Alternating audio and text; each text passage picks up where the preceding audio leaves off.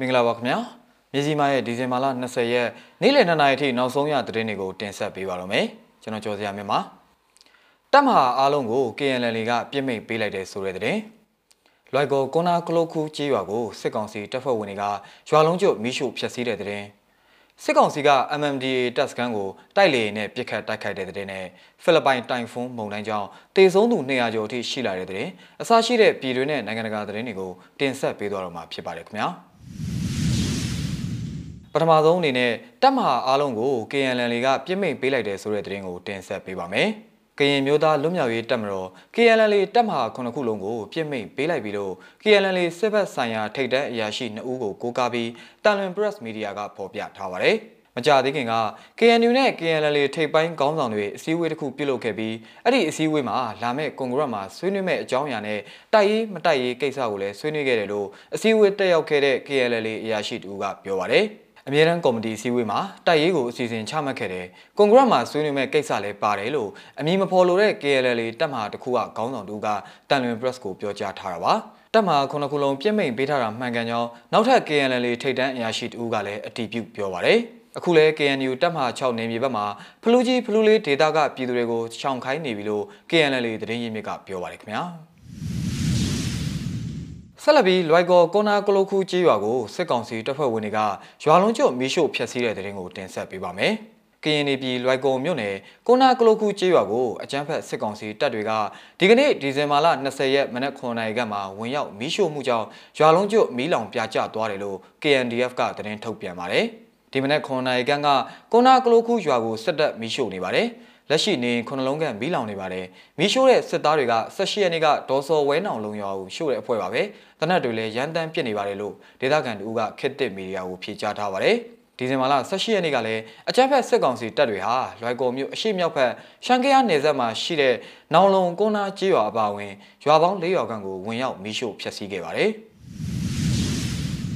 နောက်ထပ်သတင်းတစ်ပုဒ်အနေနဲ့စစ်ကောင်စီက MNDA တပ်စခန်းကိုတိုက်လေနဲ့ပြစ်ခတ်တိုက်ခိုက်တဲ့သတင်းကိုတင်ဆက်ပေးပါမယ်။ ရှမ်းမြောက်တိုင်းပြည်နဲ့မူဆယ်မြို့နယ်မုံကိုးဒေသမှာစစ်ကောင်စီနဲ့ကိုကန့်တပ်မတော် MMDA တို့တိုက်ပွဲဆက်လက်ဖြစ်ပွားနေပြီးစစ်တပ်ဘက်က၄ဦးတေဆုံးခဲ့တယ်လို့ရှမ်းမြောက်အခြေစိုက်ရွှေဖီမြေသတင်းဌာနမှဖော်ပြထားပါတယ်။ဒီဇင်ဘာလ15ရက်နေ့လယ်2နာရီခွဲကနေ3နာရီခွဲကျော်အထိစစ်ကောင်စီတပ်ရင်း129တပ်ရင်း902ကအင်အား150ကျော်နဲ့ MMDA တို့ကြားတိုင်းပြည်မြို့နယ်ချင်းရှူရွာနောက်ဘက်တိုက်ပွဲမှာစစ်တပ်ဘက်ကတေဆုံးခဲ့တာပဲဖြစ်ပါတယ်။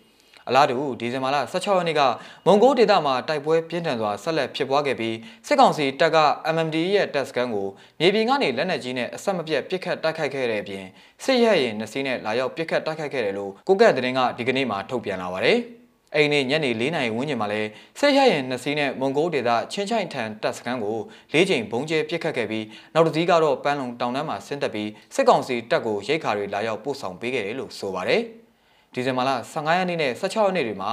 MMDA ရဲ့မွန်ဂိုဒေသမန်ရန်တပ်စခန်းကိုလက်နက်ကြီးကြီး40ကျော်စစ်တပ်နက်ကြီး900ကျော်နဲ့ပစ်ခတ်တိုက်ခိုက်ခဲ့တယ်လို့လည်းဖော်ပြထားပါတယ်။ဖိလစ်ပိုင်နိုင်ငံမှာတိုင်ဖုန်းမုန်တိုင်းကြောင့်တိတ်ဆုံးသူ200ကျော်ရှိလာပြီဆိုတော့နိုင်ငံတကာသတင်းကိုလည်းတင်ဆက်ပေးကြပါမယ်။ဖိလစ်ပိုင်နိုင်ငံမှာယခုအနှစ်အတွင်းအားအကောင်းဆုံးတိုင်ဖုန်းမုန်တိုင်းဝင်ရောက်တိုက်ခတ်ပြီးနောက်ဒီဆုံးသူအိုးရီဟာဒီဇင်ဘာလ20ရက်မှာ နေရာကျော်အထိရှိသွားပြီဖြစ်ကြောင်းသိရပါတယ်။မုံနိုင်ကနေအသက်ရှင်လွတ်မြောက်လာသူတွေဟာလက်ရှိအချိန်မှာတောက်သုံးရည်နဲ့အစားအသောက်တွေလိုမျိုးအရေးတကြီးအထောက်ပံ့တွေရဖို့တောင်းခံနေကြပါတယ်။နိုင်ငံမှာတိုင်ဖုန်းမုန်တိုင်းရိုင်တက်ခတ်မှုကြောင့်နေအိမ်အဆောက်အအုံတွေဈေးရုံတွေနဲ့စာတင်ကျောင်းတွေမွအစာကျဲအောင်ထိခိုက်ပျက်စီးသွားခဲ့ပြီးနောက်ပင်လယ်ကမ်းခြေ area တွေမှာလူအများအပြားတည်ဆုံမှုဖြစ်ပေါ်ခဲ့တယ်လို့ဖိလစ်ပိုင်ကြက်ချီနေအသင်းကထုတ်ပြန်ပါတယ်။ မုန်တိုင်းကြောင့်အိမ်အမိုးတွေကျွတ်လန်တာတစ်ပင်တွေအမြင့်ကျွတ်လဲကြတာကွန်ကရစ်တပ်တိုင်တွေလဲကြတာတစ်သားအိမ်တွေအပိုင်းအစတွေအဖြစ်ထိခိုက်ပျက်စီးတာကောက်ပဲသီးနှံတွေပျက်စီးတာနဲ့ကြေးရွာတွေမှာရေလွှမ်းမှုတာတွေကိုဖြစ်စီခဲ့တဲ့နောက်ဒီတိုင်ဖုန်းမုန်တိုင်းယာယီကို2013ခုနှစ်ကတိုက်ခိုက်ခဲ့တဲ့စူပါတိုင်ဖုန်းမုန်တိုင်းဟိုင်ယန်နဲ့နိုင်ရှင်ပြောက်ဆိုမှုတွေလည်းရှိလာစေခဲ့ပါတယ်။ ကျွန်းစုနိုင်ငံမှာယခုနောက်ဆုံးတဘာဝဘီဒုက္ခဆိုးတစ်ခုနဲ့ကြုံတွေ့ခဲ့ပြီးနောက်အ ਨੇ ဆုံးလူ108ဦးတည်ဆုံးပြီး52ဦးပျောက်ဆုံးနေတယ်လို့အမျိုးသားရဲဌာနကပြောပါရယ်နိုင်ငံတောင်ပိုင်းနဲ့အလဲပိုင်းဒေသတွေမှာတိုင်ဖုန်းမုန်တိုင်းမွေနှောက်တိုက်ခိုက်ခဲ့ပြီးနောက်လူပေါင်းရာချီထိခိုက်ဒဏ်ရာတွေရခဲ့တယ်လို့လည်းသိရပါရယ်ပြီးခဲ့တဲ့ကြာတပတိနေ့ကရိုင်ဟာစူပါတိုင်ဖုန်းမုန်တိုင်းတစ်ခုအဖြစ်ဖိလစ်ပိုင်နိုင်ငံကိုဝင်ရောက်တိုက်ခိုက်ခဲ့တဲ့အချိန်မှာလူပေါင်း3သိန်းကျော်၎ င်းတို့တွေရဲ့နေအိမ်တွေကမ်းခြေအပန်းဖြေစခန်းတွေကနေဘေးလွတ်ရာတင်းရှောင်ထွက်ပြေးခဲ့ကြရတာဖြစ်ပါတယ်။ကျွန်တော်တို့ရဲ့လက်ရှိအခြေအနေကတော်တော်လေးကိုအရေးကြီးနေပြီးစိုးရိမ်စရာဖြစ်နေပါတယ်လို့မုံတိုင်းကြောင့်အကြီးအကျယ်ထိခိုက်ပျက်စီးခဲ့တဲ့ပင်လယ်ကမ်းခြေအနီးဆာဂီဂါအူမြို့ကလမ်ဘီဇီတဲ့တအုပ်ဖြစ်တဲ့ဖာရီအာဆန်စီယွန်ကပြောပါတယ်။၎င်းတို့ဟာတောက်ရည်နဲ့အစားအစာတွေအရေးတကြီးလိုအပ်နေတယ်လို့၎င်းကပြောပါတယ်။ပင်လယ်ကမ်းခြေတွေကြောင့်လူသိများတဲ့ ဘူဟောပြည်နယ်ကတော့မုံတိုင်းတန်အဆူဆုံးခံခဲ့ရတဲ့ကျွန်းတစ်ခုဖြစ်ပြီးအဲ့ဒီပြည်နယ်မှာလူပေါင်း84ဦးထက်မနည်းတည်ဆုံးခဲ့တယ်လို့ပြည်နယ်အုပ်ချုပ်ရေးမှူးအာကာတာရက်က၎င်းရဲ့ Facebook စာမျက်နှာမှာထုတ်ဖော်ထားခဲ့ပါတယ်။